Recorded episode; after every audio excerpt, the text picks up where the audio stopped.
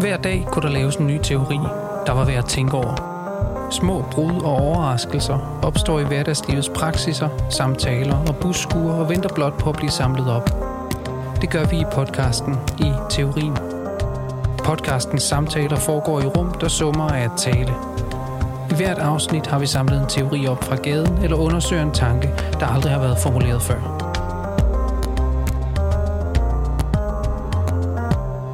Faktisk i tvivl om, hvordan vi skal starte. Må jeg sige. Jeg vil sidde og tænke på, fordi der er også den der forklaring af, hvad er det der navn homunculus egentlig Ja, det må vi hellere også øh, udtryk for, og hvad kommer det fra, og Ja. jeg ved ikke, hvor meget det skal... Det hører sammen med det der spørgsmål om splittet og belønning. Jeg tror, det er der, det kommer ind. Men altså, er teorien ikke... Teorien er, hvor blev subjektet af? Ja, jo, ja, ja. Og hvorfor vores kontemporære behov for at fortrænge det i en vis forstand, ikke? Jo, Altså, det er en fortrængning af subjektet, simpelthen. ja, det er det. Øh, Og den viser sig på mangfoldige måder. ja. Og vi tager fat i en af de måder nu, som, som anstod til at komme i gang Ja, med det spørgsmål. ja. Er det ikke det, vi gør? Jo, Jamen, øh, vi begynder den her gang med et eksempel. Et eksempel på en, måske en tendens, eller i hvert fald en måde at tale på. Øh, og den måde at tale på har noget at gøre med, hvordan vi opfatter de ting, der foregår i os som mennesker. Det er faktisk lidt svært ikke at sige det på en meget abstrakt måde, fordi det handler om sådan noget med belønningscentre, og det handler om, at hjernen gør bestemte ting, som betyder noget for os og for vores handlinger og at kroppen kan gøre forskellige ting. Det, det er en måde at tale på, som virkelig findes mange steder, og måske skal vi simpelthen bare begynde fuldstændig det konkrete med et, et helt øh, friskt eksempel på den slags øh, diskurs. Ja, altså anstødet er jo lige præcis, som du siger, det der simple lille split i, altså hjernen gør, og kroppen gør, og så videre. Mm. Men som man også typisk formulerer det, min hjerne gør, min krop gør. Ja, Mm, altså, så jeg tror, vores, det vi, det vi øh, er interesseret i at undersøge, er jo også sådan noget med, man kunne sige agents i en vis forstand. Det virker besynderligt, at det er som om, at der er forskellige sådan, agenter i kroppen, som øh, fuldstændig øh, autonomt og selvstændigt træffer beslutninger og gør ting, men sådan helt veludredt kognitivt. Altså, at de har allerede alle mulige dispositioner på plads, og øh, har deres fortolkninger på plads og sådan noget. Så, så bliver der truffet rene beslutninger derfra, og hvor øh, måske den mest oplagte agent der i moderne kultur er, er sådan hjernen, ikke? Altså, Jo. og selvfølgelig også derfor, at der bliver lavet så helt ubegribeligt meget hjerneforskning. Ja. Og det er næsten, tror jeg, sådan det allermest standardiserede journalistiske greb nu. Hvis vi har et spørgsmål til nærmest noget som helst, så skal vi have fat i en hjerneforsker. Ikke? Vi skal høre, hvorfor det forholder sig sådan, og det, det svar finder vi i hjernen, for der sidder en renere mekanisme, der sidder en renere øh, fortolker af samfundet og alt muligt andet, som egentlig er det, det hele handler om. Mm. Og på afstand af det ligger der så vores oplevelse, kan man næsten sige, af hvad det er, hjernen siger.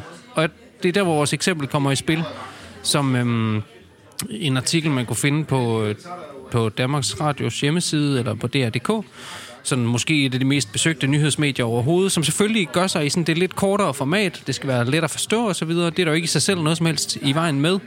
Øhm, men derfor bliver deres øh, artikler også typisk sådan, øh, de bliver skåret rimelig skarpt, men de bliver også en lille smule... Øh, hvad skal man sige, det skal være nogle, de laver nogle greb, som skal kunne omfatte utrolig mange ting, ikke? og derfor starter rigtig mange artikler med derfor, for eksempel, ikke? Og det her var så en artikel, som øh, var i, i sommer i forbindelse med øh, øh, verdensmesterskabet. November, ja, lige præcis. Den anden sommer. Den var, det det? sommer, ja. var det lige nu? Ja, okay. Det var det. Øh, hvad hedder det? I forbindelse med VM. Det siger noget, hvor meget jeg ved om fodbold. VM i fodbold. VM i fodbold. Hvor øh, en eller anden har bidt øh, mærke i, at, at øh, typisk så bytter spillerne trøjer efter kampen. Og det kunne man jo lave alle mulige forskellige sådan, sociologiske analyser af, eller um, forskellige typer analyser af, men man har så ringet til en hjerneforsker for, for vedkommende til at fortælle noget om det, tilsyneladende ellers ret komplekse kulturelle fænomen. Og så øh, kan man sige, at den her artikel bringer vi frem, fordi den er meget, meget opsagt eksempel på den tendens, nemlig at, som underoverskriften siger, der findes en helt naturlig forklaring på, hvorfor fodboldspillere bytter trøjer. Altså, vi er helt nede i- nede i det mekanistiske her. Det er simpelthen en mekanik på spil. Øh, og det første store citat, der så står er her, vi får at vide, at, øh, at vi samler hænger klart sammen med vores belønningssystem i hjernen. Der er en konkret belønning, når du finder noget, du godt kan lide, så bliver der nemlig frigivet endorfiner og dopamin. Og øh, det lyder jo sådan, altså det er jo vidunderligt at læse sådan en artikel, fordi det samtidig også betyder, at man kan sætte noget, man kan sådan ligesom stede noget til hvile. Nå super, nu er der faktisk ikke, nu har jeg styr på det, og næste gang jeg ser nogen, der bytter trøjer på banen, så ved jeg, at det er fordi, at deres belønningssystem har udløst de her sådan nogle glædeshormoner, som man også kalder dem. Ikke?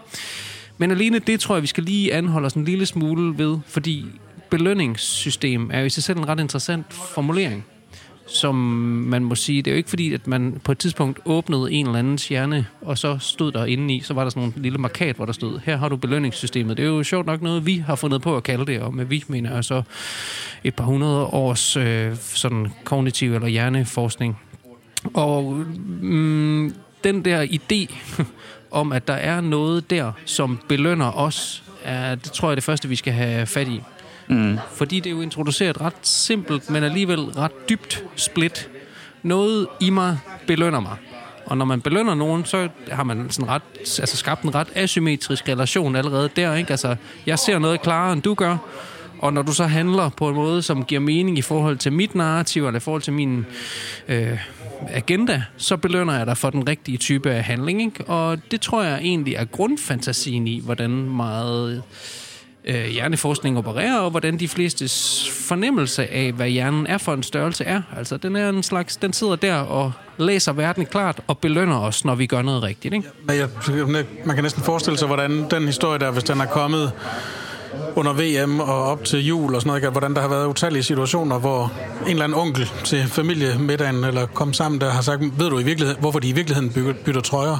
Det gør de faktisk, fordi... Og det der i virkeligheden er vigtigt. Ja, der er sådan et belønningscenter i hjernen, der gør, at når man samler noget, som man godt kan lide, og som har flotte farver, så får man en belønning et eller andet dopamin og sådan noget, der udskilles. Og, og det virker dybt på den måde, at man kan sidde der og sige, du kunne det er også utroligt alt det, du ved, og sådan noget. Og, og der er den, den virkelige forklaring, som, ej, der kan man bare se, at, at jeg i virkeligheden er også styret af sådan nogle ting. Jeg troede egentlig bare, det var fordi, at jeg synes, det var, nogle, det var spændende at have alle dem, i hvert fald de italienske trøjer. Det var så hvis ikke med, men dem har jeg altid været fascineret af. Men det er simpelthen, nu har jeg fået den rigtige forklaring på, hvorfor det var sådan. Så der, der er både sådan den der, der er den journalistiske vinkel, ikke? og der, der er også det, der ligger i videnskaben selv, i dens måde at gribe tingene an på, og så er der den der enorme øh, tilfredsstillelse, eller øh, ikke tilfredsstillelse, men sådan en, en øh, forundring og, og villighed til at, at få den og, slags forklaringer og stille sig tilfreds med dem? Eller? Ja, der må være en tilfredsstillelse i det. Altså, fordi jeg sidder og tænker på, om, altså, kan vide, om der er nogen, der sådan helt tror på den naturlige forklaring. Altså, den virker simpelthen alt for simpel. Og det virker også sådan forceret på en eller anden måde at trække den type af forklaringer ned over det. Og så er det jo sådan en kombination af sådan en lang evolutionsbiologisk historie, som vi så, jamen dengang vi var på savannen, der samlede vi hasselnødder og så videre, så, og det kan man så se gennemspillet i dag. Nu gør vi det med trøjer og sådan noget, så er der en forklaring på det, og vi kan da se det, i, når vi putter folk ind i scanneren, så lyser der bestemte områder af hjernen op, hvis vi giver dem en pind, eller øh, måske en fodboldtrøje, eller et eller andet. Ikke? Så, så nu er det sådan, hele den der sammenhæng er blotlagt. Og, og, og øh, det virker på en eller anden måde som en alt for forseret og simpel forklaring. Men den må jo give en eller anden form for tilfredsstillelse. Ja, den er både altså, forseret og simpel, men samtidig er det noget... Altså, man skal jo heller ikke tænke ret længe over, for den virker helt ekstremt kontingent. Altså, ja. hvorfor lige præcis... Hvorfor er det trøjer, de udveksler, og hvorfor er det især i fodbold? Hvorfor gør man ikke det i badminton, eller i bordtennis, eller efter en, en holdkap i svømning, eller, eller sådan noget? Eller på kontoret. bytter man ikke skjorter ja, efter en lang dag på bytter vi ikke hele tiden alting, ja, hvis den der forklaring ja. er rigtig? Som vi vi talte om lige før vi gik i gang med at optage, hvorfor, hvis de havde startet med at bytte trøjer, hvis det udløser dopaminer og endorfiner og sådan noget, bytte trøjer, kunne man også bytte, bytte shorts og fodboldstøvler. Og man kunne også tage hjørneflader med, når man gik ud af stadion, ikke? fordi hvis det giver den der øh, glædesfølelse af at have ting og samle ting, hvorfor så egentlig stoppe der? Og måske er det der, altså måske, og der begynder det jo allerede øh, at vise en lille fli af den kontingens, der er i den type forklaringer. Altså, som, som Henrik siger, ikke, der skal ikke meget til, man skal ikke dreje det eksempel meget, før man kan se, okay, det kunne også godt være patologisk, eller der kunne være nogle andre grunde til det, som ikke er sådan helt lige til at få greb om. Altså, hvorfor, hvorfor bytter man den trøje? Hvorfor samler man på ting? Hvorfor er der nogen, der samler på gamle tændstikæsker, eller øh, og man kunne ikke sige, eller et eller andet? Ikke? Det, altså, I bedste fald er det et moment ved en forklaring af, hvad det handler om. Ikke? Hvis vi nu betragter det ud fra, hvad der sker inde i hjernen, når man modtager et eller andet, som man samler på, fint. Ja, det, det kan være, det er... Nu ved jeg ikke, om du skal på, så kvantificere det ikke, men altså, det er måske 10 procent af forklaringen. Så er der en hel masse, der har at gøre med kultur og øh, øh, historie og øh, nydelse i, i psykoanalytisk forstand, og måske endda politik og alt muligt, som man også kunne inddrage.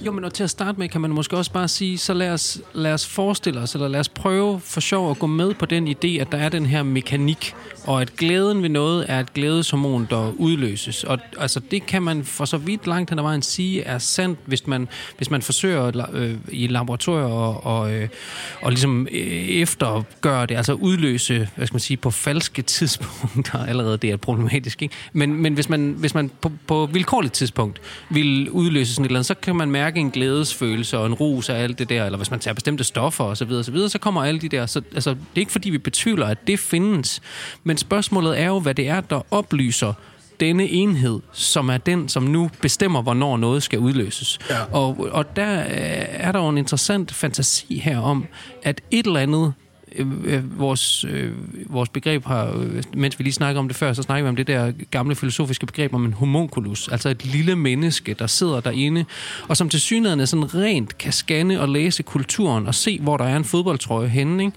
og at den adskiller sig fra et hjørneflag. Og det gælder om nu, skal du tage fat i fodboldtrøjen, så giver jeg dig en belønning, og her har du så din hundekiks. Ikke? Hvorimod at, at jeget, eller vores oplevelse af at være til, er sådan en helt dum, passiv, kan ikke finde ud af, altså vælter bare rundt i sådan en underlig, fantasmatisk univers, men heldigvis er der en objektiv og neutral instans, som så belønner os for de rigtige ting. Og det interessante er jo netop, hvad vi skal forestille os, der oplyser den instans, altså med hvilket blik det så rent scanner verden for ting, som det vil have og ikke vil have. Fordi forestiller man sig et menneske, som aldrig har hørt om fodbold, som aldrig har hørt om en fodboldtrøje, så burde der jo altså hjernemæssigt ske fuldstændig det samme for vedkommende. Mm. Har jo de samme gener, altså vi er jo, øh, vi er jo tilbage til, øh, til jæger samler samfundet her. Det, vedkommendes forfædre har også Jamen, øh, Vi er og samlet. på savannen, altså. Ja, ja, klart nok. Så, så hvis det er et genetisk spørgsmål, så må fodboldtrøjen jo optræde med samme neutralitet som et øh, bær eller en nød eller et eller andet. Men jeg forestiller mig, at hvis vi klinisk forsøger at lave det forsøg, at hvis vi giver et menneske, der aldrig før har set en fodboldtrøje, en fodboldtrøje, så tror jeg måske ikke, vi har en dopaminudløsning på helt samme niveau. Nej, man kan sige, at der, der er jo alle mulige spørgsmål, der fletter sig ind her om venner og fjender og modstandere, når vi nu taler fodbold og sådan noget. Hele kulturen, om- hele fankulturen, gavens logik, øh, de politiske dimensioner. Hvis trøje vil du hellere have end andres trøjer og så videre. Bytter målmænd egentlig trøjer? Det tror jeg aldrig nogensinde, jeg har set for eksempel. Og hvorfor, altså hvad er det lige, der sker? Hvad sker der, når nogen afviser at tage imod eller give en trøje? Faktisk den lille, den lille artikel, du havde fat i, Anders, der til sidst, så, så bliver det bare nævnt, at der var et tilfælde, hvor en faktisk ikke gad at give sin trøje væk. Og hvorfor nu det? Altså, Det er jo ligesom bare uheldigt. Hvordan kan den falde ind i den her naturlige forklaring? Det, det gør den jo ikke. Okay, men så har vi ikke mere at sige om den. Så der er jo alt muligt. Der er jo alt muligt på spil i sådan nogle typer af, af udvekslinger. Der, Og, så kan man jo også sige, at der, på en måde netop i forlængelse af det derfor, kan man sige, så det spørgsmål, som, som Anders startede med at stille, ikke? det, det er et spørgsmål hvad er det for en metafysik, der er på spil, ikke? fordi der er, der er en der er en forestilling, som automatisk bliver godtaget, kunne man sige, ikke? om at der er sådan en lille, et lille menneske indeni. Og man kan sige, den der homunculus-figur går langt tilbage i historien, ikke? og helt, helt klassisk, helt fra det før moderne, kan man næsten sige. Der kender vi det jo fra religionen først og fremmest. Mm. Ikke? Den uh, Augustin sagde allerede sådan i omkring år 400, altså at, at uh, sandheden er inde i det indre menneske, inde i dig. Og på en måde er det den figur, der stadigvæk er der. Det er den, som øh, Descartes blev kritiseret for at have blevet kritiseret for i hundredvis år, ikke for kogitoet, som også er den der ting inde i mennesket, som er den tænkende ting, som han kaldte det. Øh, men det er som om den ting, den der lille humunk, den, det lille menneske inde i mennesket, er der også i, i den her postmoderne eller nutidige form for metafysik, men den har fået en mærkværdig status af at være på en måde noget andet end mig selv. Ik- ikke min egen... Jo, det på en gang er det min egen mm. inderste, væsentligste kerne, men samtidig er, er der et jeg, der på en eller anden måde kan konstatere eller registrere og få at vide af en journalistisk artikel om fodboldtrøjer, at det er sådan, det fungerer inde i mig. Så det der lille menneske er på en gang min egen mest intime kerne, og samtidig noget, der er helt fremmed for mig, eller for det der jeg, der oplever, at det forholder sig sådan, eller kan blive oplyst om, at det forholder sig sådan, kan man måske sige. Ja. Ja, fordi denne homunculus har jo så en slags usynlig hånd, altså en øh, i, i virkelig sådan smithsk forstand, ikke? altså en, en, en usynlig hånd, som du kan på en måde hvile i din egoisme og i din narcissisme og alt muligt andet, for i sidste ende er der helt naturlige forklaringer på, hvorfor det forholder sig sådan. Du bliver belønnet for de rigtige ting, du bliver straffet for de rigtige ting, det har at gøre med din overlevelse, det har implicit så at gøre med artens overlevelse og alt muligt andet. Så når du føler dig draget af ting, så der er ikke en subjektiv overvejelse i det, der er bare belønning eller, eller ikke belønning. Ikke? Øh, og, så kan, og, og, og på den måde handler du altid i over overensstemmelse med, med en form for øh, almen vel, simpelthen. Øh, ja, fordi du, hvis, du kommer til, hvis der på en måde, du ikke får... Ja, og det er så det der mærkeligt, hvad er det for et, hvor er det der jeg, hvad, hvilken status har det så? Men altså, det er jo også det, at når, når man taler om det, man, man siger, at man skal lytte til sin krop, ikke? Altså, kroppen sender visse signaler. Ja. Altså, på, på man kan sige, kroppen sender de signaler, at jeg har lyst til at få den der trøje, det giver mig en eller anden form for tilfredsstillelse. Men man kan sige, at kroppen sender mig også et signal om, at jeg er begyndt at, at, at bygge lidt stress op. Altså jeg sover for lidt om natten, og jeg har fået sådan lidt tics eller glemmer nogle ting og sådan noget. Det er faktisk kroppen, der taler til mig mm. og siger noget til mig, som jeg, jeg så skal lytte på og reagere på. Og det betyder så, at jeg skal holde en pause fra mit arbejde eller et eller andet. Men kroppen har allerede, eller homunculusen, den der mm. indre... Øh, man sige, historisk, evolutionært funderet øh, mekanisme har registreret det. Den ved det godt. Men er det ikke også lige præcis det, der er den, så den politiske dimension af den her type diskurs? Altså, den taler for et bestemt øh, veltempereret lille menneske, der er inde i, og som fungerer som sådan en eller anden form for sensor. Og den sensor, den er udviklet over 10.000 år tilbage mm. fra savannen og sådan noget. Og så kan problemet være for sådan også postmoderne mennesker, at der er for mange sociale medier, eller vi lever i for højteknologisk en, en verden, eller der sker alt for mange øh, ting rundt omkring os. Vi er slet ikke bygget til, vores, vores hjerne er ikke bygget til at leve øh, på den måde, som vi gør i dag og sådan noget. Og derfor bør man lytte til øh, hjerneforskningen, og derfor bør man på en eller anden måde lytte til de der og til sin krop, som jo ja, også er klog krop, og ved det altså, hele. Og, ja. Freud og Kang ville sige lystprincippet, at der sådan, mm. det, de detekterer, de her hjerneforskere og hvad ved jeg, dem, der er dem, der er interesseret i at finde ud af, hvordan kroppen reagerer på, på forskellige signaler og sådan noget, det de, det de egentlig siger er, at der er, nogle, der er nogle bestemte balancer og niveauer, og der er nogle bestemte naturlige måder, hvorpå det her fungerer, som er udviklet over så og så mange tusind år, og det bør vi på en eller anden måde øh, øh, lytte til, og det kan så komme i konflikt med, at vi bliver for underlige og unaturlige og perverse på en eller anden måde i vores medieforbrug, eller vores et eller andet, hvad det nu måtte være. Vi kommer ud af os selv, men der er heldigvis den der, den, den indre lille, det indre lille menneske, som, øh, som hjerneforskningen kan beskrive, og som vi kan forholde os til og relatere til, når, når tingene kommer til at køre sporet. Så der er en politik i det på den måde, ikke? Jo, klart. Og så, så er den der lille akavethed, som var der i den allerførste sætning, du startede med, ikke? altså da vi startede her, at, at øh, vi kan lytte til, eller vi bør lytte til. Ikke? Så, så Jamen, der er den Der er både den metafysik, der handler om, hvad er det for en lille fyr, som, som Lacan kaldte øh, kogitoget, ikke? Altså den der mm. lidt øh, mærkelige fyr, der sidder inde i øh, den lille fyr er i dag den underlige størrelse, som er en form for visdom, som er evolutionært betinget, eller hvad, neurologisk, eller hvad det nu man, hvordan man nu forklarer det. Ikke? Men så samtidig så er der et jeg, eller et vi, som, som på en eller anden mærkelig måde er adskilt fra, der kan observere, eller konstatere, eller reagere på. Altså jeg tænker, Lidt ligesom når man kan konstatere noget om sin egen følelses, øh, øh, eller sin egen følelsesreaktion på et eller andet. Man, man er i et parforhold, og, og man siger, at altså, vi skændes om et eller andet. Det er ikke sådan, at jeg siger, at det skal være på den her måde, eller jeg synes, du er øh, ondskabsfuld, eller du tager fejl, eller sådan noget, men jeg, jeg føler, at det, du siger, det gør mig eller det, funger, det, gør, det sårer mig på den og den måde. Altså, jeg kan konstatere, at min reaktion er sådan her. Det er på en måde også en mærkelig fordobling af mig selv, som en, der både modtager noget fra dig og reagerer på det på en eller anden følelsesmæssig eller spontan måde, og samtidig kan konstatere, at det forholder sig sådan der, og tale tror, om det. Jeg tror, sagens kerne her lige præcis er det der spørgsmål om, om den fordobling, eller det split, fordi vi, som er mere sådan psykoanalytisk orienteret, vil jo om noget tale for, at det, det er meningsfuldt at tale om, at der er et split der, og en hvilket som helst menneske, der nogensinde har haft en menneskelig oplevelse, vil samtidig også kunne mærke, at ja, nogle gange så oplever jeg, at jeg informerer mig selv om et eller andet, som jeg, hvor jeg selv er både på en måde afsender og modtager, eller primær og sekundær i at, at opleve, gud, jeg kan bare sidde og registrere nu, at jeg bliver rigtig nervøs ved den her situation, og jeg er ikke helt klar over, hvorfor, for eksempel. Ikke? Så det virkelige spørgsmål her er jo spørgsmålet om, om hvad det er for et agentur, vi skal, vi skal give det det andet sted.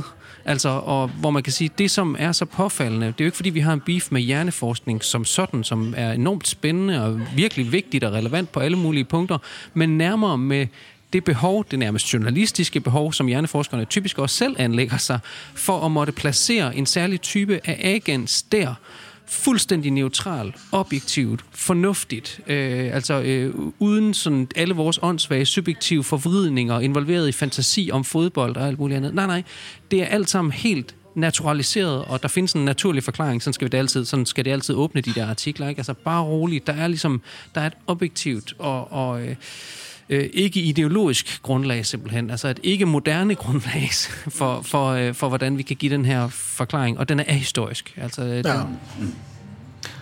ja, jeg tror virkelig også, det er det, der, der er humlen i, altså fantasien i hjerneforskningen. Så nu, jeg har haft øh, lidt kontakt til, øh, eller læst lidt omkring psykiatrien i, øh, generelt, men også i, i Rigskov, øh, var psykiatrien i Aarhus, som var i Rigskov i mange år, og der, der har man jo en af verdens største nu hjernesamlinger, fordi man i en lang årrække simpelthen, når patienter døde fra hospitalet, så tog man hjernen ud til sidst.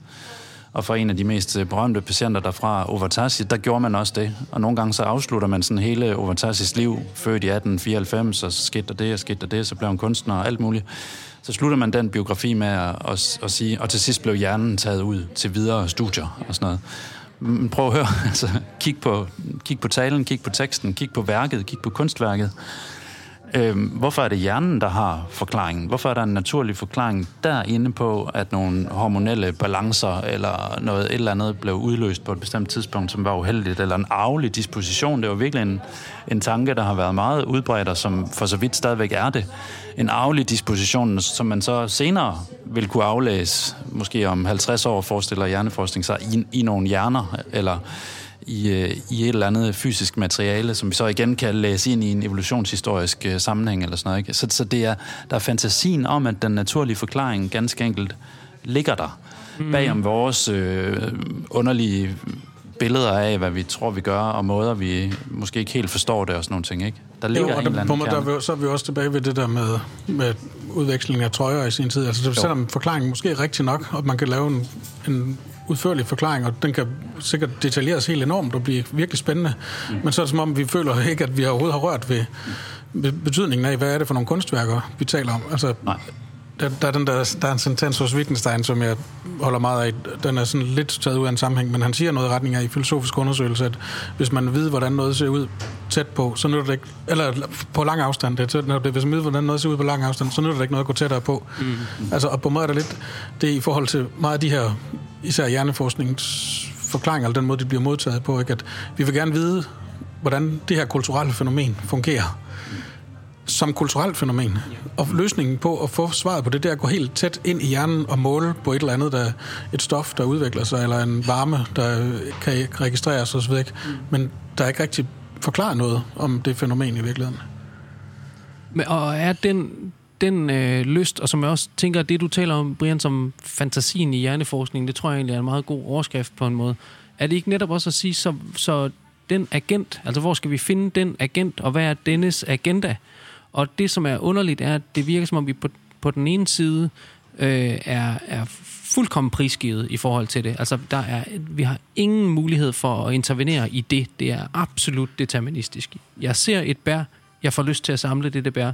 Jeg samler det ind, og min hjerne, som den selvstændige og øh, isolerede agent, den er, belønner mig, fordi jeg har gjort noget rigtigt i forhold til min overlevelse, i forhold til min geners overlevelse og alt det der.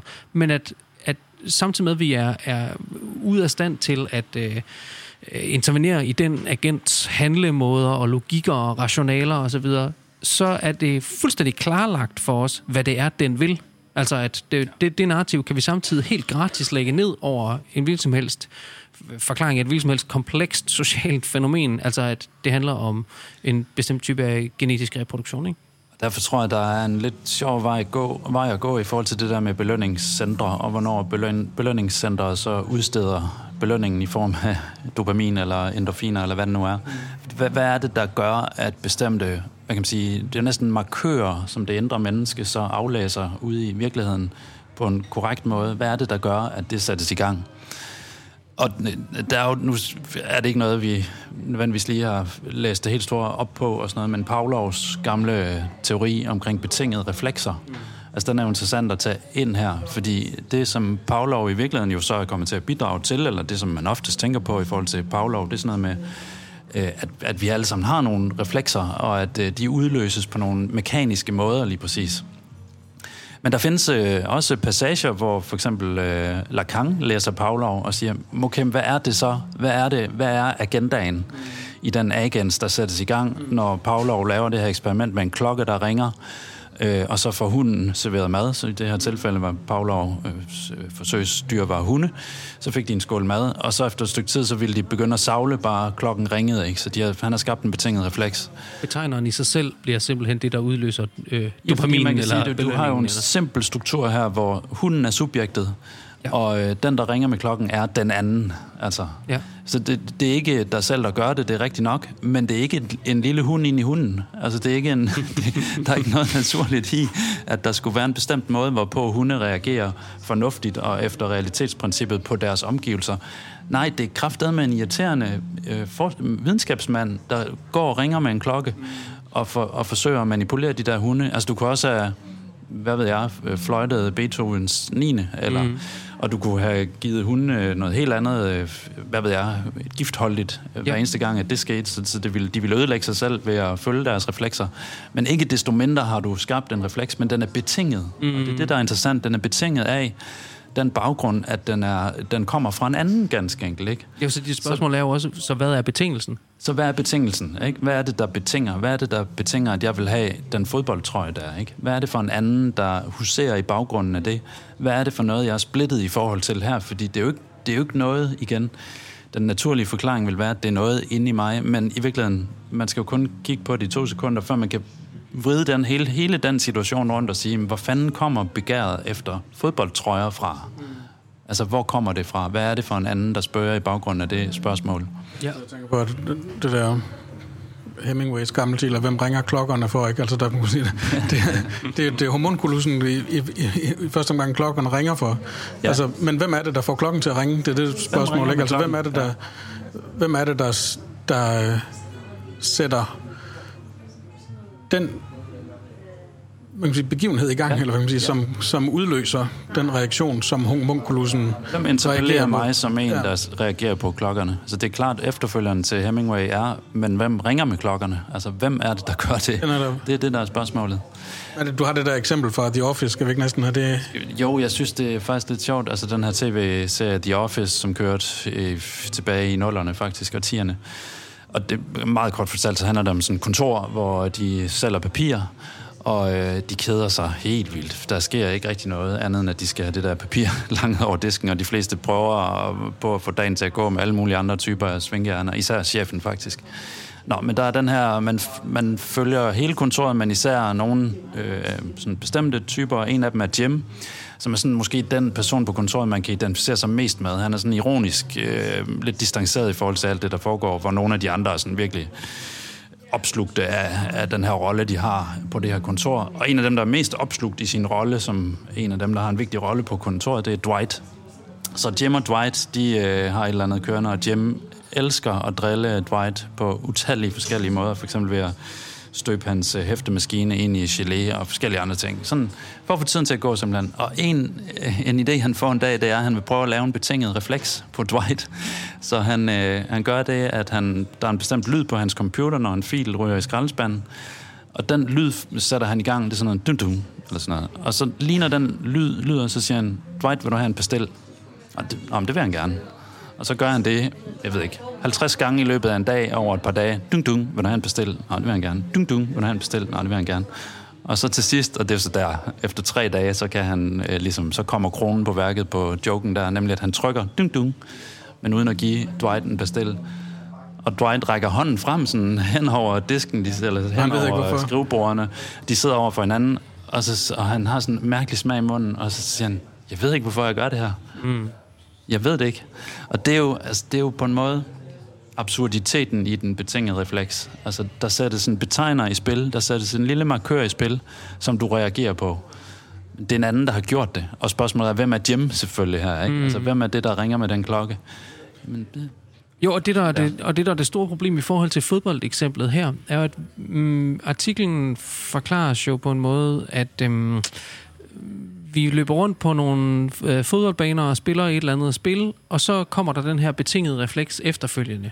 Pludselig opstår muligheden for, at jeg kan modtage en fodboldtrøje. Jeg ved ikke, hvorfor det først er der, at øjet scanner, at alle folk har de der trøjer på, men pludselig... kunne godt have gjort det før, kunne man Ja, det sige. kunne man måske godt ja. have byttet lidt tidligere, men, men øh, pludselig så øh, opstår den der mulighed for at få sin... Øh, altså så en, en, en betinget refleks, som, hvad skal man sige, det er forholdet mellem årsag og virkning, ikke? og årsagen opstår lige præcis der, og pludselig kommer så... Øh, pludselig kommer mit begær efter den der fodboldtrøje i spil. Og selvfølgelig er spørgsmålet, hvorledes har den lille homunculus, altså belønningscenteret, lad os kalde det det, ikke? Altså det hedder det jo, det er sådan et center, man kan ringe til, og så kan man høre, om man skal få sin belønning eller ej, og centeret er desværre lukket i dag. Eller, men det åbner så lige præcis på de rigtige tidspunkter, og, øh, og giver, os vores, øh, giver os vores belønning. Men, men hvad, på, hvad er det for nogle dokumenter, der falder ind i det center? Ja. Altså, hvorledes har det scannet denne fodboldbane? Hvis det er et spørgsmål om, om samleri, hvorfor så ikke bytte med en tilskuer, som du siger? Altså, okay, så der er ligesom noget kulturel fortolkning allerede, som er i spil her. Hvorfor ikke hjørneflagene? Hvorfor ikke en lille smule af, af det der nylon, der holder målet sammen videre? Mm, så der, der, er, der er åbenbart noget social fortolkning på spil. Man skal kunne læse et eller andet sociologisk felt næsten. Mm. Så øh, hvem har opdraget Jim? Altså, øh, hvem, har, hvem har opdraget den, der har sat denne betingede refleks i gang? Og det har selvfølgelig vil være hjerneforskningens øh, svar her. Det har selvfølgelig evolutionen, ikke? Altså det er Jo. det, der, har, der, der skal sørge for, at vi alle sammen... Men det interessante er jo, hvorledes evolutionen er blevet så klog på fodboldtrøjer. Ja, altså, vi har ikke spillet fodbold siden savannen. Det er jo ikke sådan på den måde øh, noget, der kom dengang Gud skabte savannen. Jeg ved, ikke, jeg ved ikke, hvordan vi ligesom skal spole helt tilbage til begyndelsen der, hvor det der øh, setup kommer fra. Altså, som fortæller os, at verden ser ud på den måde, at der findes ting at samle på, og der findes måder at overleve på. Ja, for man kunne jo forestille sig, at der altså er en anden form for næsten subjektivt engagement i det, at man er orienteret i de signaler og symboler, og lad os bare sige det på lakaniansk signifianger, altså ja, betegnere, som på en eller anden måde gør sig gældende på en fodboldbane. Og selv hvis man accepterer ideen om en simpel mekanistisk forhold imellem øh, belønning og en eller anden passiv modtager af denne belønning, så er det bare som om, det er den passive modtager, der starter med at give belønningscenteret dets information om, hvor, mm. hvornår og hvorledes den belønning skal falde. Nu skal du se, nu har jeg faktisk fået øje på et interessant objekt herover. Mm. Men det er som om, det led må springes over, fordi det bringer hele den sociologiske kompleksitet med ind igen. Ja, plus en eksistentiel øh, konflikt, kan man næsten sige. Ikke? Ja. Altså som, som Camus siger et sted, skal jeg tage en kop kaffe eller kaste mig ud af vinduet? Altså, mm. hvor, hvorfor spiller vi fodbold? Altså, det er vel også for ikke at slå hinanden ihjel på en eller anden måde. Ikke? Altså, mener, så, så hvor kommer de der... Hvor kommer øh, gaveudveksling fra? Hvor kommer byttehandel fra? Og så kan man begynde at tale om alle mulige typer af byttelogikker og værdier, og spørgsmål om, hvad, hvad har mest værdi, og hvilken trøje har mest værdi, som vi også lige var inde på. Sådan noget. Altså, der, det er jo lige præcis der, hvor det bliver ekstremt komplekst. Men hvor det så igen er heldigt, at vi har en, en, måske en simpel forklaring i nogle tilfælde. Ikke? Altså hvis man skal tage det for gode varer, at vi på en eller anden måde bliver tilfredsstillet af sådan en simpel derfor-forklaring.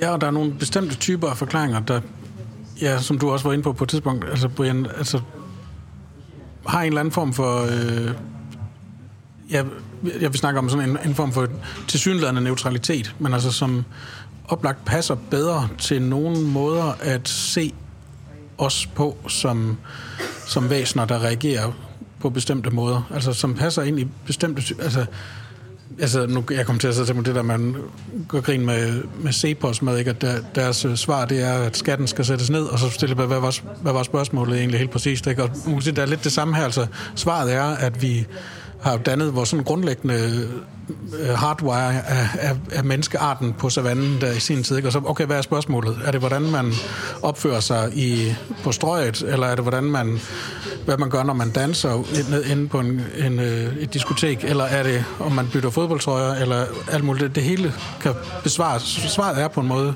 givet allerede på forhånd. Ikke? Og, og det er en type af svar, der, der på en måde passer i en vis forstand, men der er nogle metafysiske mere eller mindre eksplicite antagelser, men også nogle antagelser, der måske skifter lidt karakter i forhold til, hvad det lige præcis er, vi taler om, Ja. og hvordan den konfiguration er med det der indre menneske.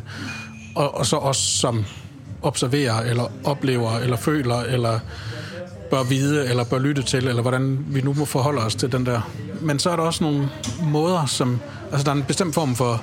Ja, hvis nu for eksempel det er evolution, vi lægger til grund, ikke? Der, er, der er helt oplagt noget, der simpelthen handler om tilpasning, helt eksplicit. Ikke? Hvordan, hvordan lærer vi at fungere ved at lytte til den sandhed, som er installeret i os som artsvæsener. Altså, vi bør på en måde vi bør på en måde reagere rationelt i overensstemmelse med vores artsbestemmelse, kunne man sige. Ikke? Men det synes jeg faktisk er interessant, fordi der kan godt være ressourcer i sådan en evolutionsbiologisk øh, tankegods til at, at, at gå nogle af de der veje der. For man kan sige, hvad er det, der gør, at man tilpasser sig bestemte øh, vilkår, og hvad er det, der gør, at man gør det på bestemte, ofte sådan, også sådan socialt og kulturelt øh, bøjede måder, eller hvad kan man sige, øh, måder, der på en eller anden måde også indregner, at der er andre væsener til stede, eller at der er bestemte måder at gøre tingene på, som er, som er overlevet på, overleveret på bestemte måder. Og man ser den der også hos dyr, altså sådan noget med nichekonstruktion, som man kalder det. Mm. Så det vil sige, at visse arter udvikler øh, bestemte måder at løse problemer på, eller det ved jeg ikke, være til stede i verden på, bæver bygger dæmninger. Men Hvorfor fanden gør de det? Altså, og hvorfor er det de bæver, der er bedst til det, som på en eller anden måde øh, overlever? Jamen, det er fordi, det er det, de gør. Altså det, det, og det kan være, at de startede med øh, i sin tid, og altså, dæmningerne har set en lille smule anderledes ud og sådan noget. Det, nu bevæger jeg mod noget, jeg ikke ved sådan, øh, til bunds, øh, har det bundsgående viden om, men, men der er jo, altså, man kan jo godt øh, kigge på arter forskellige steder i verden og se, at de løser eller den samme art forskellige steder i verden, og se, de løser problemerne på forskellige måder. Altså, hvad, hvad er det, der gør, at man, at man konstruerer en bestemt niche? Og inden for menneskelige øh, fællesskaber, aktiviteter og praksiser, kan det jo se fuldstændig forskelligt ud, hvordan man øh, håndterer forskellige typer af problemer i forskellige typer af nicher. nicher ikke? Altså man konstruerer nicher på forskellige måder. Så hvad er nichens ontologiske status? Altså mm-hmm. hvad vil det egentlig sige at bebo en niche? Og hvad vil det sige at overleve, overleve på de præmisser? Det, det er ikke det samme, kan man sige vel? Men siger du så ikke også faktisk på en måde, at øh, det, som vi på den ene, eller som vi, som vi typisk gerne vil starte, vi vil gerne starte fortællingen der, hvor den har sin objektive karakter. Det er fornuftigt, bæverne bygger dæmningerne, fordi så kan de øh, opdæmme noget vand og fange nogle fisk og sådan noget. Øh, men i virkeligheden, så kommer der lige før det, kommer der en absurd bæver med en mærkelig fetish, som lige pludselig Ja. begyndte at bygge dæmninger. Og man kan sige, øh, nu vi samler fodboldtrøjer, fordi det var rigtig fornuftigt. Dem, der samlede mange bær og nødder engang, de var bedre til at overleve. Men det er en fuldstændig absurd fetish, lige pludselig begyndt at samle Ja. alt muligt mærkeligt. Som sådan, så, så hvor kommer den fra? Altså, Ja. hvad, er, hvad er det for en agens, eller hvad er det for en disposition? Som, og vi er tilbage ved det der spørgsmål om, noget har noget føder øh, øh, i, hvad giver efterretning, altså sådan som en efterretningstjeneste. Nogen, nogen skal udvikle de rapporter op Ja. ja. til den der homunculus, ikke? Jo. Og dem, der udvikler de rapporter, det er os. Ja, altså, det, ja, præcis. det er jo os Ja. selv, der laver det kulturelle arbejde, som er et fortolkningsarbejde, som er et arbejde med betegner og signifieringer, altså som Ja. ja. er et arbejde, der er allerede dybt involveret i alle mulige subjektive former, som ingen objektive karakter har. Mm. Så nedskriver vi dette stykke efterretningsarbejde og giver det til vores homunculus, som så skal bestemme, om der skal udløses dopamin eller ej. Og på den måde er forklaringen lige så lille som at sige, hvorfor gør det ondt at stikke hånden ind i flammen? Det er på grund af nerverne. Men det er jo ikke nerverne, der har agentur til at stikke hånden ind i flammen. Mm. Nej, og du- altså, der er også der er en fordobling. Altså, det, på mig, jeg synes, det er som om, der er en dobbelt metafysik. Altså det, der var fordelen ved Augustin og, og Descartes, det var det jo alligevel trods alt rel- relativt klart. Altså vi har på den ene side har vi den der homunculus inde i sjælen, eller hvad vi nu vil kalde den. Og så har vi kroppen, og vi har alt det ydre, det materielle osv. Men her der har vi sådan en underlig dobbelthed af, at på den ene side har vi en homunculus stadigvæk, der sidder inde i, og det er den, der reagerer, når, når øh, vi stikker fingrene ind i flammen. Men samtidig så har vi også noget, der minder lidt om den gamle sådan, sjælesubstans, men altså, som, som er sådan en eller anden underlig esoterisk størrelse, som kan konstatere, at, at homunculusen ikke vil have, at vi stikker, altså vi, jeg stikker fingrene ind i, i flammen. Så det, det, der er min opgave som, som nu siger jeg så subjekt, altså det er mm. på en måde, at, at øh, at holde homo- homunculus tilfreds og, og mæt og øh, til, altså generelt øh, tilpas i verden.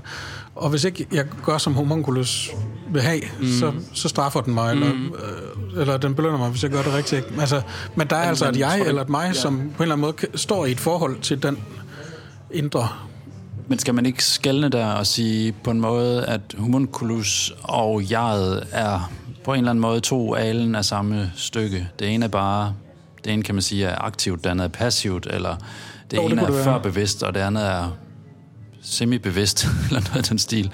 Altså det der med, at du har, du har en oplevelse af, øh, den du er og sådan noget, og så har du indeni, som du skal være opmærksom på, noget, der sådan for alvor og virkelig registrerer, sådan som du øh, er programmeret til at skulle fungere på en eller anden måde. Ikke? Og de to, tider, de to sider, eller de to dele er på en måde, begge to, en, Lacan ville helt sikkert sige jeg, begge dele. Bare to, bare to forskellige versioner af det, eller noget af den stil, ikke? Hvor subjektet vil være spørgsmålet om, jamen, hvorfor spiser jeg altid for meget eller for lidt? Altså, jo, klart. Hvor, hvor, altså, hvorfor subjektiv i psykoanalytisk forstand er noget ja. andet end begge de to. Jamen, det er bare for det, det, på en eller anden måde at kunne skelne mellem, hvad er, det, vi, altså, hvad er det, vi er ude efter? Fordi det der passivt oplevende jeg, som vi har haft fat i på forskellige måder. Vi bytter bare trøjerne åbenbart, uden at helt at vide hvorfor, men så kommer der en hjerneforsker og siger, at det er jo fordi, at vi altid har samlet bær og sådan noget. Men de to versioner er, lidt af, er på en måde lidt af det samme, eller hvad kan man sige. Det er bare mere eller mindre bevidst. Men det er endnu ikke, altså, men det er endnu ikke en formulering af noget, der, der handler om subjektet, og som er decideret ubevidst, eller som er noget, vi ikke kan, overhovedet kan... Men er det ikke også som om, at der ligger noget af det, du siger, der på mig er det, det er ikke engang sådan aktiv, passivt nødvendigvis, Nej. men det er en form for reaktiv. Altså, at homunculusen her bliver reaktiv. Altså, den reagerer ja. netop på ja. de stimuli, kan man ja. sige, som kommer til den. Og så altså, det, det er to passive former. Det er en, ja. det er en reaktiv og en, en konstaterende, eller en oplevende, eller hvad man siger, side af, af det passive øh, determineret i en eller anden forstand øh, subjekt. Så, altså, der er næsten... Altså igen, for sådan den klassiske metafysik, ikke Spinoza eller Schelling, eller sådan, der, nogle af dem har de, nogle af de der tanker af, at den eneste form for frihed, der kan være, det er en form for indsigt i nødvendigheden. Og på en måde er det lidt det, der kendetegner den her dobbelt passiv, ja. eller reaktivt passiv oplevende. Mm. At på en måde det, som jeg som registrerende, oplevende, kan gøre al, i aller, allermest aktivt, det er på en måde at indstille mig på den nødvendighed, som min homunculus har indkodet i sig. Mm. Ja, og den, den, den psykoanalytiske indgang her vil jo sådan netop være at sige, ikke bare at registrere nødvendigheden, men, men øh, hvordan kan jeg intervenere i nødvendigheden? Hvordan kan jeg intervenere i det deterministiske simpelthen? Ikke? Ja. Øh, og det vil jo være den psykoanalytiske grundtese, at det, øh, det, det, er, det er det, som er subjektets øh, rolle, subjektets plads simpelthen. Det er den intervention. Ja, og subjektet i psykoanalytisk forstand er måske også netop det, der ikke øh, accepterer den nødvendighed. Ja. Altså på en måde er, er, er, modsætter sig den, kunne man sige. Ja. Ikke? Altså, og man kunne sige, det er måske lidt en, en lidt for frisk metaforisk læsning, men alligevel den der office-figur, som ja. Brian havde fat i før, Jim, ja. der ringer med klokkerne, ikke? Altså, det er på en måde også subjektet, der, der forstyrrer, øh, narer, øh, eller driver gæk med, kunne man sige. Altså, subjektet er på en måde det, der driver gæk med vores tilpasning til det sociale felt, eller til, til det nødvendige, eller det rigtige, det fornuftige, til løsprincippet, til realitetsprincippet. Vi er jo ankommet her helt klart til det, øh, hvad skal man sige, afgørende kulturelle spørgsmål i hele det her symptom. Altså nemlig spørgsmålet om, hvad det er, der må fortrænges i, i den her type af forklaring. Og, og det vi jo danser omkring nu, er, at der er to ting, som helt klart ikke kan finde plads i den her forklaring. To ting, som på en måde er lidt den samme ting, nemlig det ubevidste og subjektet. Ja. Øh, og at, at de ting kan aldrig rigtig finde vej ind i den kæde af mekaniske årsager, som den her homunculus-idé jo præsenterer os for. Altså at, at homunculus rent ligesom læser verden derude, og at, at de fortolkninger ikke er betinget af noget som helst andet. Det er, de er betinget af, af objektivitet og evolution, som åbenbart har forstået fodbold længe før det blev opfundet. Ikke? Ja. Øhm, og det kræver ikke en, øh, der, det kræver ikke subjektets mellemkomst simpelthen. Nej, og på en måde, bare lige for at gå den krølle færdig, så kunne man også sige, at der, der er næsten noget, der, på en måde er der paradoxalt nok næsten noget ved psykoanalysens subjektforståelse, som er mere øh, på, på linje med sådan den klassiske sådan modernistiske eller yeah. kartesianske opfattelse af et, et autonomt, selvaktivt, altså, yeah. eller øh, spontant subjekt, der faktisk kan sætte nye begivenheder i gang, eller sætte nye rækkefølger i gang, og ikke kun er det der dobbelt passiv, som vi har snakket om. Yeah. Selvom det psykoanalytiske subjekt på måden næsten er defineret ved ikke at være en hel masse ting, og hele tiden hvad det der højst er i modstrid med, eller ikke fungerer indenfor, eller hvad det, hvordan man nu definerer det negativt. Men altså, så det skal ikke nok i psykoanalysen, måske vi finder en ressource til at tænke subjektet som noget, der ikke bare kan konstatere, hvordan det faktisk eller i en eller anden forstand bør reagere i forhold til, til det, som verden nu engang øh, har bestemt øh, som vilkårene for at leve et menneskeliv.